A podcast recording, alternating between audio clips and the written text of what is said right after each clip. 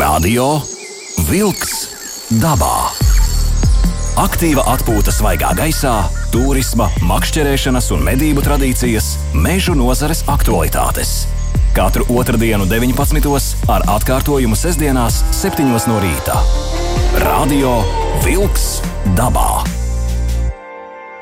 Esiet sveicināti radio klausītāji. Nājas Latvijas Rādio 2 studijā Sandrija Jūra arī kopā ar mums. Sandrija, tu varbūt arī pats pastāsti, kur te tu īsti esi šobrīd?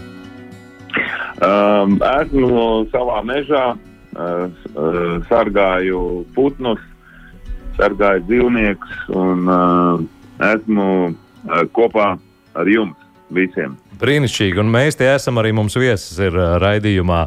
Veikala virsotnē ārā dzīves konsultants Andris Kursīts. Tas nozīmē tikai un vienīgi to, ka beidzot mēs ķeramies klāt uh, ekipējumam un parunāsim par ļoti svarīgu lietu, kāda nu ir sezonai, tuvojoties nu, tai pamatsezonai, turismu sezonai, tas ir ekipējums.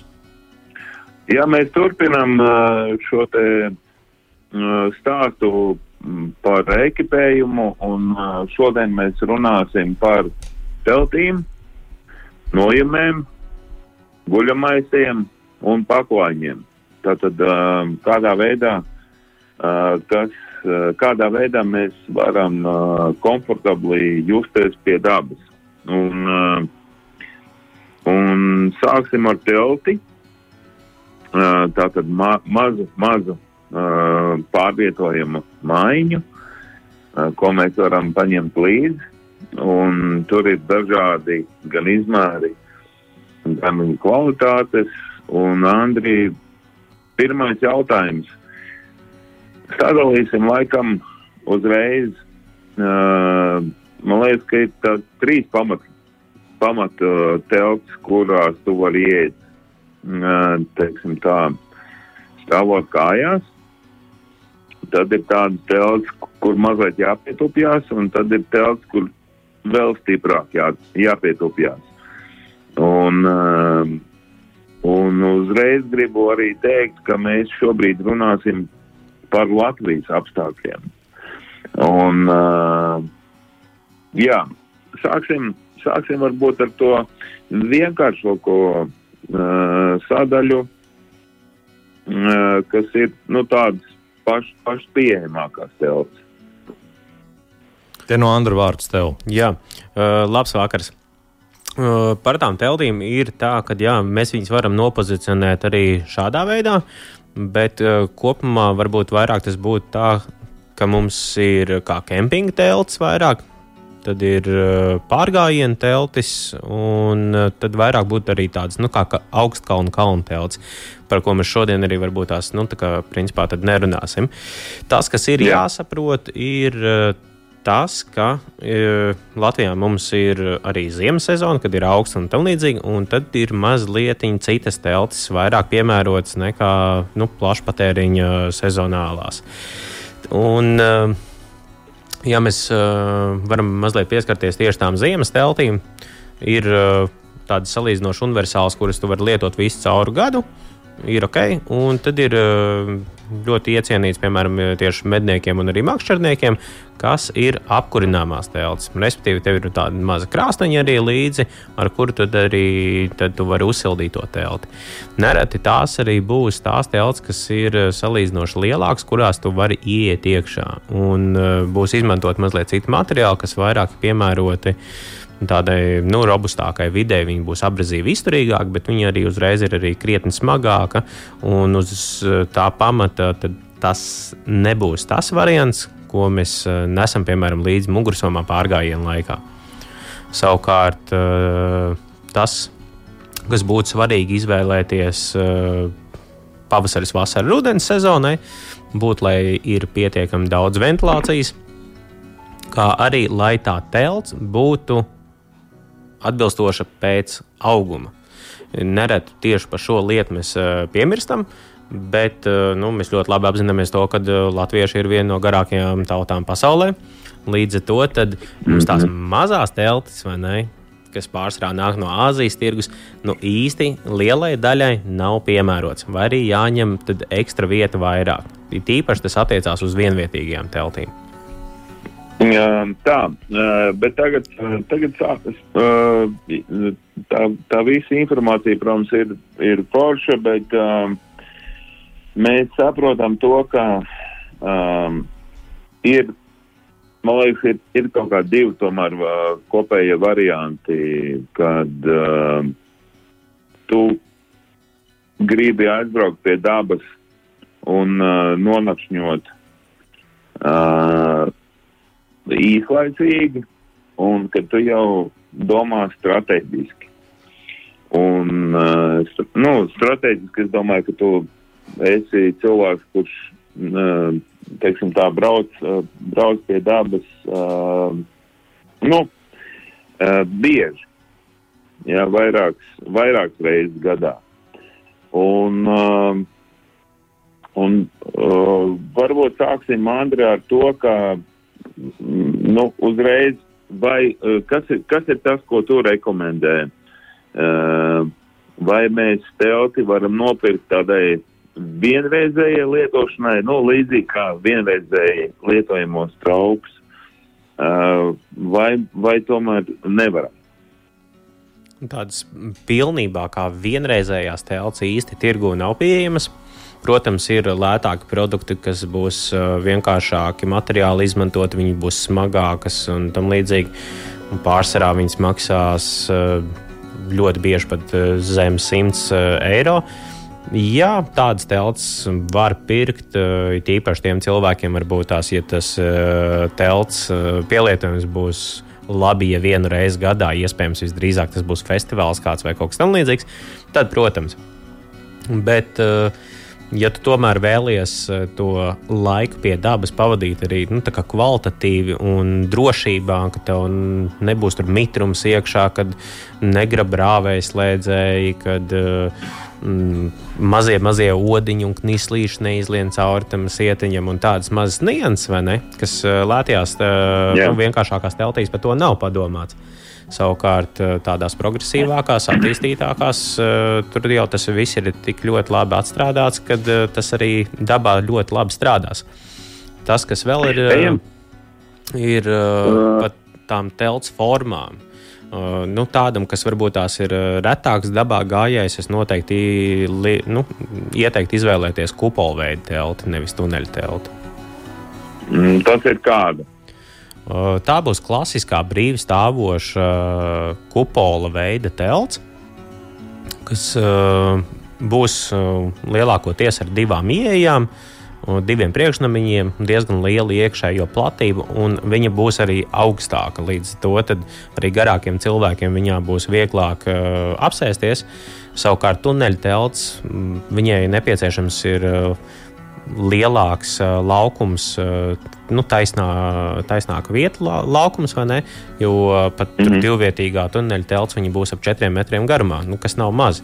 Un, ja mēs dodamies varbūt uz kempingu, tur problēmas nebūs uzlikt, bet kādos brikšņos vai arī tur uh, sliktākā kaut kādā kalnainākā vietā, mm, tur būs nu, diezgan pagrūti.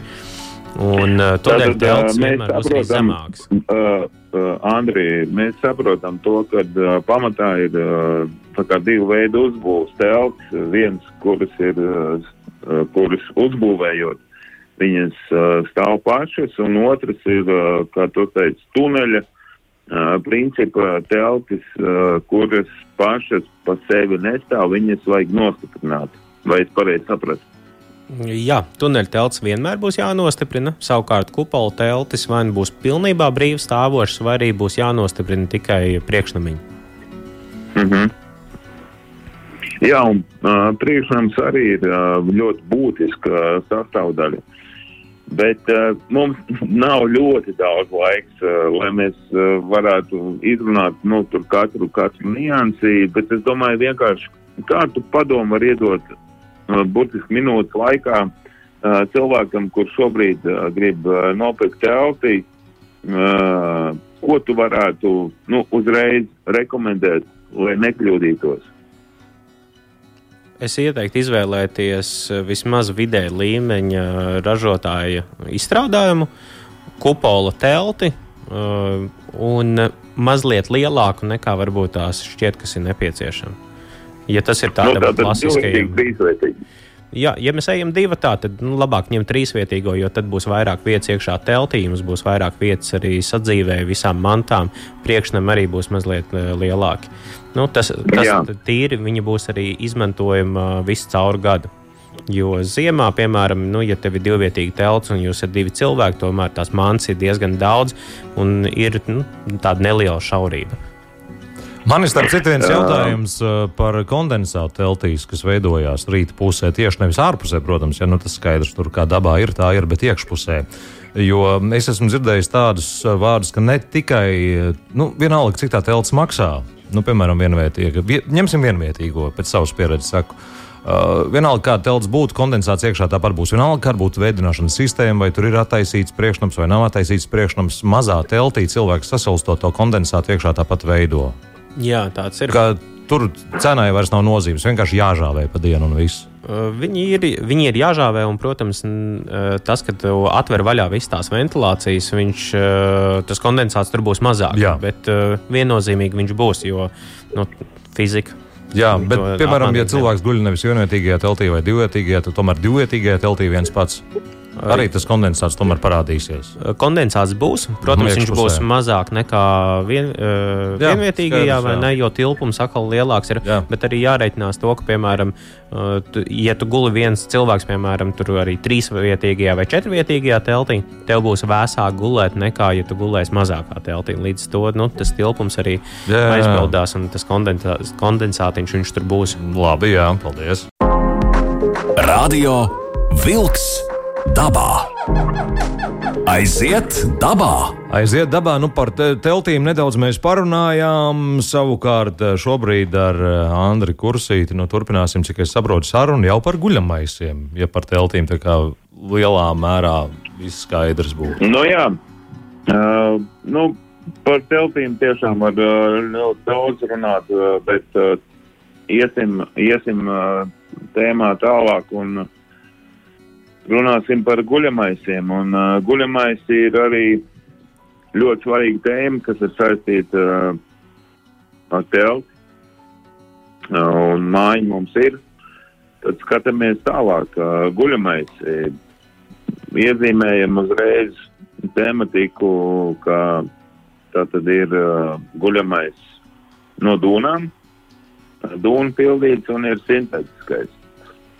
Uh, stāstīja Andrija, varbūt kaut kas vēl ir mainījies, un uh, kā tomēr nonākt pie pareizā guļamais izvēles. Globāli diži mainījies nekas nav.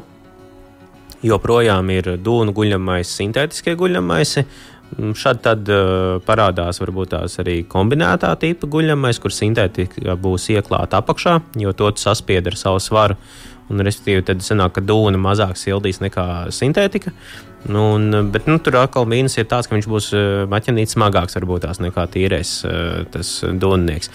Bet svarīgākais. Jā, varbūt, uh, uh, Andrija, varbūt uzreiz uh, iedod uh, šo te, uh, kur ir tā atšķirība. Dūna un uh, sintētiskais. Tātad uh, sintētiku ir vieglāk kopt, Un pa viņu ir tā nosacīta, nu, tā ka vairāk ir vienalga tieši par mitrumu ziņā un, un, un vispārējo. Palika netīrs, izmazgājām, nolikām, uh, izžuva, viss kārtībā, li, lietojam tālāk. Pārsvarā viņi arī ir lētāki un varbūt tās uh, atsevišķos gadījumos nedaudz smagāki arī par dūnām. Savukārt ar dūnām nu, tur ir daudz un dikti visādi varianti, vai ne? Jo tur ir tā, ka uh, dūnām ir tie fill power uh, indekseņi, no pārsvarā nu, guļamaisos 600 eh, un uz augšu. Jo lielāks tas cipars, jo attiecīgi būs eh, labāka dūna, tā vienkāršot. Un viņš būs attiecīgi arī dārgāks, bet viņu varēs salikt mazāku. Dūnām lielākais bonus ir tāds, ka ir ļoti laba termoregulācija. Līdz ar to, tad, ja piemēram tev būs guļamais tur uz eh, komforta 0 grādiem, ārā būs plus 5, visdrīzāk tu viņā jutīsies eh, ļoti komfortabli un nesviedrēsies lieki. Savukārt, sintētikā, jā, nu, tur visdrīzāk jau tā atšķirība jau būs bijusi pa lielu un sviedrēsies. Savukārt, mhm. tas, kas ir tieši par izvēli guļamaisiem, ļoti svarīgi ir tie standarti, kas ir norādīti. Tātad, attiecīgi, mums ir Eiropas normatīvas, kas ir norādīts uz guļamaisiem, kas ir vecā norma, un viņi jau tiek aizstāta. Visi guļamais, kas te, tagad tiek ražoti jau no pagājušā gada, laikam, kad izskaņas, viņi visi nāk tikai un vienīgi uz ISO standartu, kas ir daudz eh, vairāk atbilst realitātei mūsdienu cilvēkam. Tā ir viena lieta. Otra lieta ir norādīti komforts, komforta limits un ekstremālā temperatūra. Tātad tas, kas ir uh, sabiedrībā diezgan iegājies, bet ko vajadzētu izskaust un aizmirst, mēs nekad neskatāmies ekstremālo temperatūru. Ja ekstremālā temperatūra, tas būs tā, ka stundas X tu izdzīvot vari tādā temperatūrā. Tas arī viss. Savukārt, Jā. komforts un komforta limits citiem ražotājiem ir norādīts, citiem arī nav, bet tas ir kungiem un dāmām. Respektīvi, kungi pēc uh, statistikas ir mazāk salīgi par dāmām, līdz ar to komforts kungiem nekad nebūs arī komforts dāmām. Tas ir jāņem vērā. Es, es, es pat tagad esmu novērojis, ka uh, nezinu kāda iemesla pēc, bet vairāk uh, nav šī dalīšana tur kungiem, dāmām. Norāda vienkārši šo te, uh, nu, limitu liel, lielākā diapazonā un, un tā, bet, bet te mums ir jāmin ļoti nopietna lieta, un tas ir tomēr objektīvi, ka uh, meitenes ir uh, kaut kā, kaut kā iekārt, iekārtotas tā, ka ir salīgāks uh, par džekiem. Un, uh, un, uh, un tas ir, nu, tas nav kaut kāds kā, baigais modes kliedziens. Uh, tas ir novērots jau uh, ļoti, ļoti sen. Un te ir jāņem vērā tiešām šī te šī atšķirība, jo guļamais, tas, kas ir domāts, nu, pieņemsim, nu, plus kaut kādiem pieciem grādiem, mums jā, jāsaprot, ka tas reāli guļamais ir, nu, tomēr ne plus pieciem grādiem. Mums jāliek klāt vēl ir kaut kādi grādi. Vai tu esi, Andri, novērojis eh, šādu te specifiku? Uh, Tomēr, ka plus 5 nav plus 5, tie ir plus 10, plus varbūt 8 grādi. Protams, daļai tāds ir. It īpaši tie guļamais, kas ir vēl pēc vecās normas taisīti, vai ne? Tur tad var specifikācijā var pastīties, ja tas ir EN normatīvs vai ne, tur tālāk, tur 4 cipariņi, 3, 4 kaut ko tālāk, vai ne? Tad jā, Un droši apmēram 3 līdz 4 grādus var eh, pierēķināt uh, klāt. Tas ir eh, nu, standartā. Savukārt, jaunais, kas nāk pēc ISO, nu, es teiktu, ka viņš diezgan tieši arī atbilst. Un, ja tas ir pēc ISO standarta, ja tur rakstīts, ir, ka tas ir uh, komforts mīnus viens grāds, nu, viņš arī atbilst. Un uh, mm -hmm. komforta limits, piemēram, tur norādīts ir mīnus 5. Nu, tad tas arī būs tas uh, kungiem zemāka temperatūra vienmēr tā būs kungiem, un siltākā temperatūra būs uh, dāmām. Tas ir viennozīmīgi. Protams, jāņem vērā arī tas, ka nu, katrs cilvēks ir. Uh, savādāks mazliet. Mēs ļoti labi apzināmies, viens ir salīgāks, cits ir mazāk salīgs. Līdz ar to tad, nu, pats no sevis arī nu, var izvērtēt, vai iespējams tev ir nepieciešams mazliet siltāks tas guļamais. Tā ir viena lieta. Un otrs ir kur un kā mēs dodamies. Ja tas ir vienreizējs izbrauciens pie dabas, tad visdrīzāk, pat ja arī būs tā temperatūra mazliet zemāka, tev tāpatās būs ok. Savukārt, ja mēs eh, tepatās pa Latviju uztaisam nedēļas pārgājienu ar lielajām somām, ar visu. Nu, 3. un 4. dienā pie tās ekstra slodzes, iespējams, varbūt tu esi bijis izlīst, tu esi vairāk esi mazāk paēdis, tev ir nepieciešams arī vairāk tas siltumiņš un tad ir tas arī jārēķina. Vēl ir jautājums par guļamais temperatūra aprēķināšanu. Mēs tā arī neesam laikam arī pateikuši to, kā, kā aprēķina šīs temperatūras. Nu, domi tādi - guļamais plus 5 grādi komforts, es eju vienās apakšbiksēs gulēt, un man būs silti. Tā jau nē, tur, tur ir tā apģērba, termo mm, apģērba kārta rēķināta klāt, vai tas ir uz skailu miesu. Lielākoties ir tas pirmais slānīts, ir ka virsū. Tomēr. Jā, ka tas ir tas faktors, kas nosaka tos komforts plus 5. Nevis tagad ieliekos iekšā bez nekā, guļu, guļu un rakstīts plus 5 un nosalu plus 8 grādos. Jā, bet uh, jāņem vērā arī tas, ka tas tests vai ne, uh, neviens netestē uz reāliem cilvēkiem. Tas ir manekens ar sensoriem, kas vienkārši ir ielikts iekšā guļamaisā temperatūrā X, un tad viņi attiecīgi arī aprēķina uh, to siltumu atdevi. Un vēl jautājums, ka šī te temperatūras aprēķināšana tas ir teltī iekšā vai tas ir brīvā dabā zem klājas debesis? Tas ir, uh, brīv, tas ir brīvā, bet tas ir ideālos laikapstākļos. Jā, Nu, ideāli laikapstākļi mums Nu, jā. no, reti, kad ir. mitrums, vējš un tā tālāk. jā. Tu vari nopirkt arī guļamaisu, kas ir uh, ar tādu nu, tā vai nu vēja membrānu, vai arī, vai arī pat uh, iestrādātu ūdens Nu, jā, membrānu. jā, Ar tādu tu vari gulēt arī bez tās telpas, jebkādos apstākļos palielināt. Tā kā izvēlētos guļamais, ņemam vērā to, ka jābūt kaut kādam silta apģērba slānim tomēr virsū, lai tie plus 5 atbilst plus 5 grādiem. Un kopumā būs arī daudz ērtāk tā gulēšana. Nu, jā. Nav obligāti varbūt arī tieši tā termoveļa. To ļoti labi var lietot arī iekšpalagu. Jā, jā, vai ne? jā, Un jā. Tas ir super tāds la- labs risinājums. Un bons arī tāds, ka tev nebūs tik bieži jāmazgā guļamais, jo tu piesviedrēsi to iekšpalagu vairāk. Tad jau labi, ja piesviedreiz uzkarst. nevis Nu, nosals. uh, bet, bet es gribētu teikt, ka tiešām uh, varbūt uh, laust uh, kaut kādu mītu vai kaut ko, uh, jo uh, guļamaisā parasti guļ ar silto veļu, uh, tātad, nu, saucamo pirmo slāni. Uh, tādu vai citādu, labi, kam nav pirmais slānis, uh, guļ tēkreklā vai, vai, vai citādāk reklā, bet, nu, tomēr um, ērtāk guļamaisā ir gulēt uh, tiešām kaut kādu nu, to pirmo, pirmo slāni, pašu, pašu plānāko, bet kaut kādu veļu.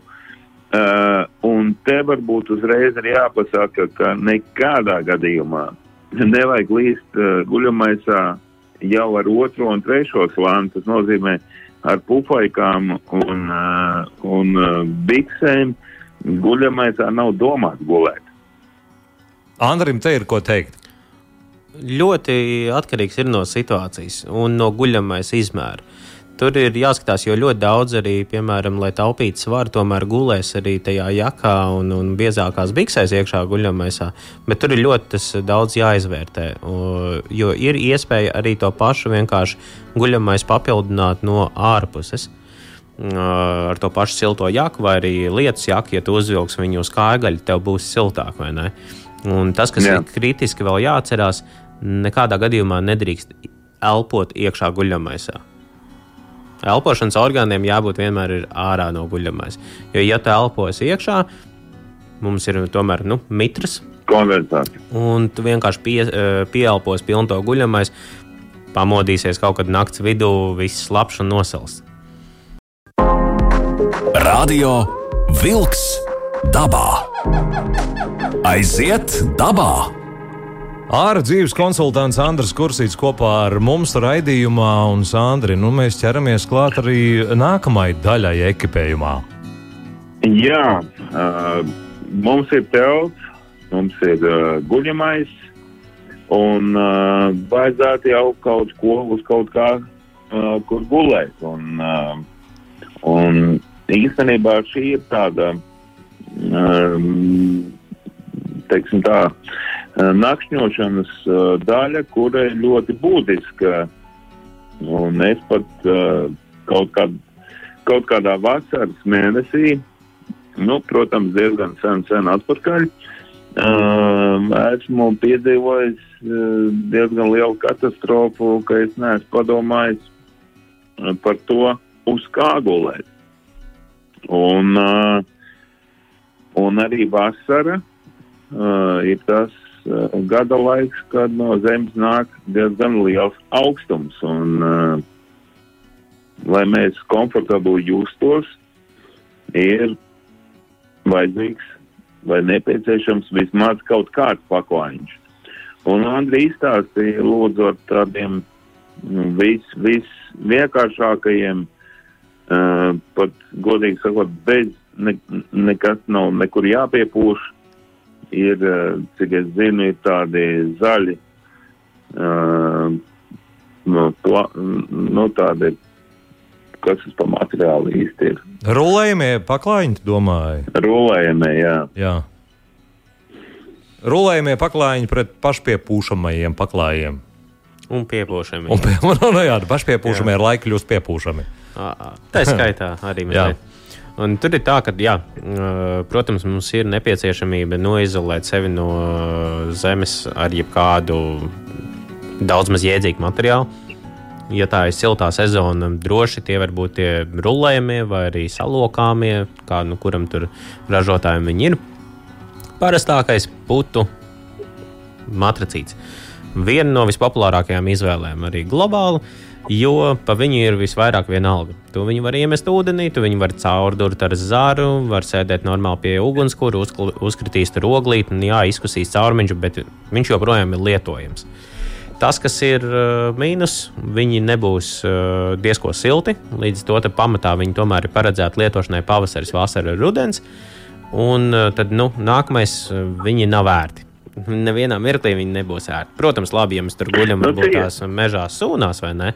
Tad jā. Bet uh, pārējā laikā, ja tu vēlēsies tomēr komfortu, tad tu izvēlēsies vai nu piepūšamo, vai arī pašpiepūšamo putu matraci. Un, uh, tur būs tā, ka tie jau būs pieejami arī krietni siltāki.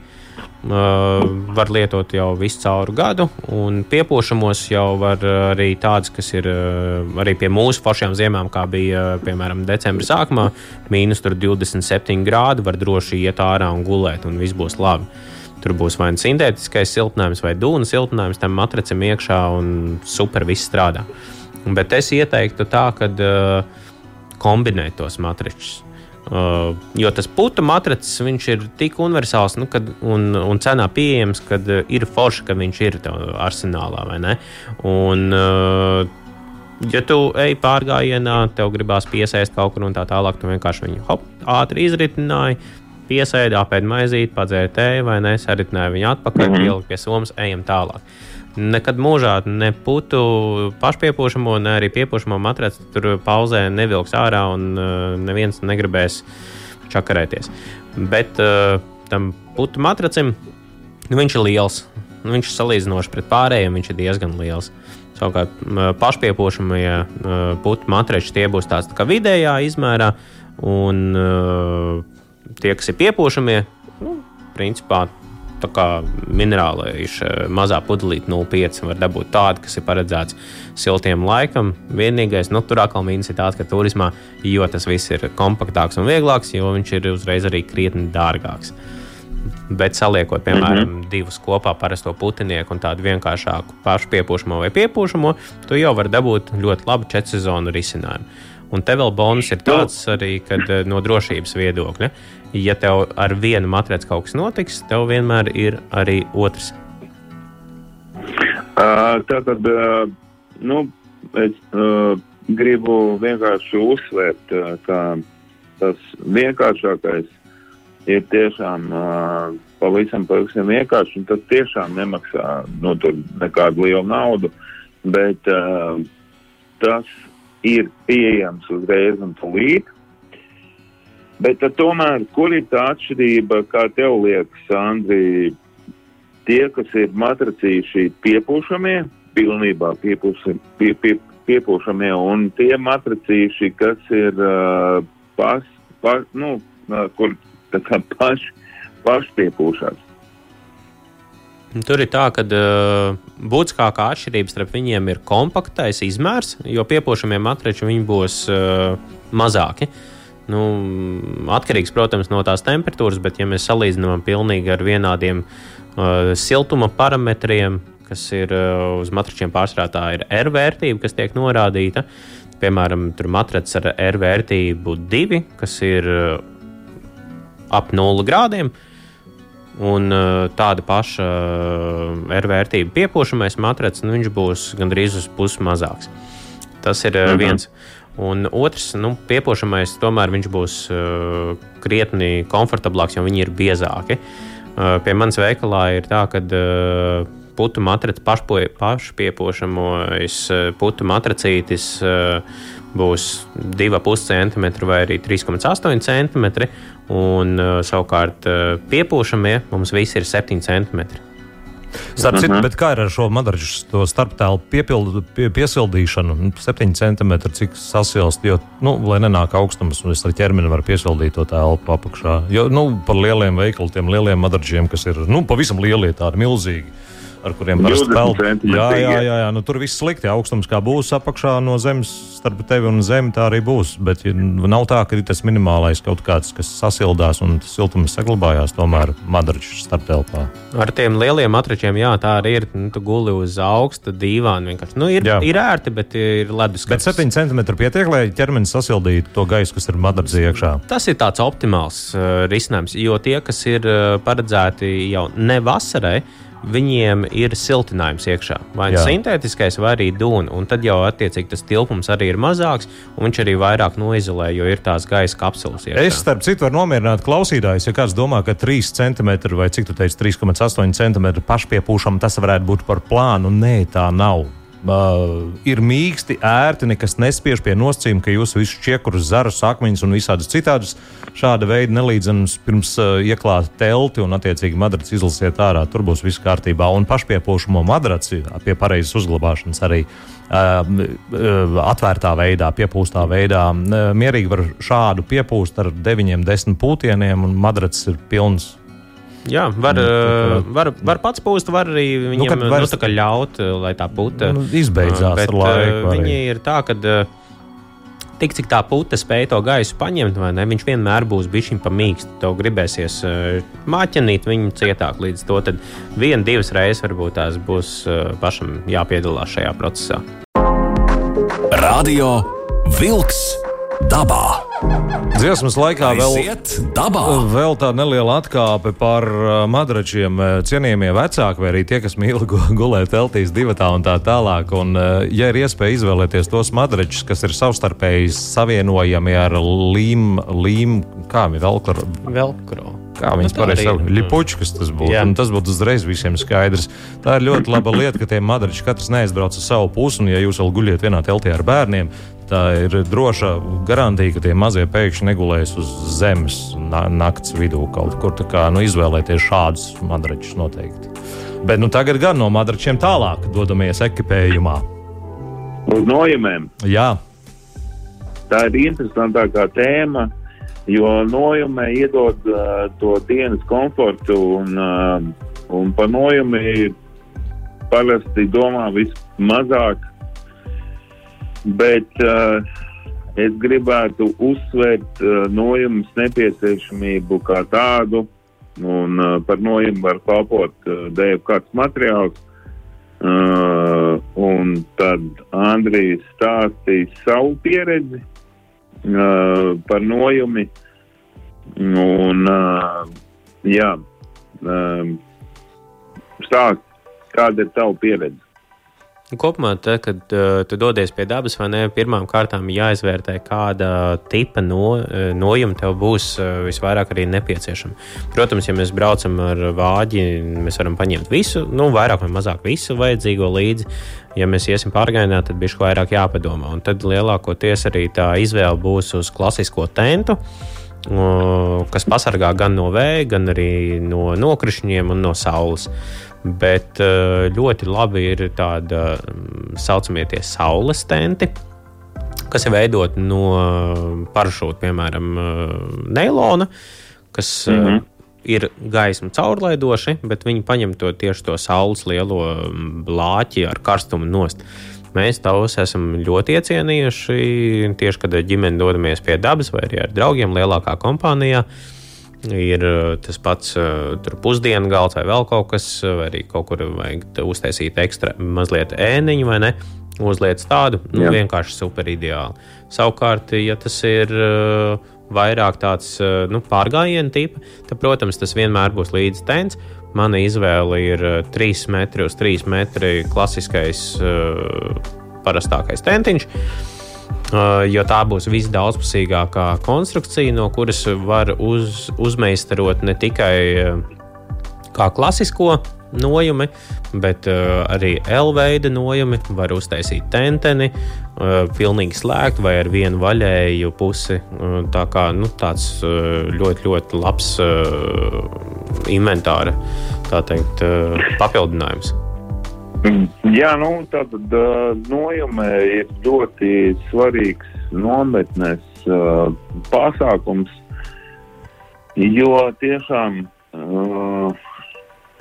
cik es esmu redzējis, tiešām mēs, mm, nu, teiksim tā, nepievēršam nojumē tādu milzīgu nozīmi, bet īstenībā nojumi ir, nu, ja pieņemsim, ir tā, ja ir lietus, uh, vai citi nokrišņi, tad mēs varam patvērties īslaicīgi, un telts parasti jau ir kaut kāda maziņāka, un uh, mēs, nu, teiksim tā, ne, nepat, ne, nepatveramies tur. Uh, tā kā nojumē arī ir kompānija 4, 5, 6 cilvēki, uh, tad tā ir iespēja ja, ja pieņemsim, ir kaut kāds galds vai kaut kas pie ugunskura blakus, tā ir iespēja arī būt nu, zem, zem kaut kāda jumtiņa. Faktiski tā nojuma ir par to jāpadomā visticamāk, nu, tomēr tajos apstākļos, kad gaidām ir nokrišņi. Jo nu, no saules labi, bet, nu, ja līst un jūs esat kaut kur pārgājienā vai kur citur, tad tā nojuma tik tiešām ir zelta vērtē. Un, ja nav nojuma, paņemiet līdzi lielos pludmales lietus sargus. Starp citu, viņi diezgan labi tur arī.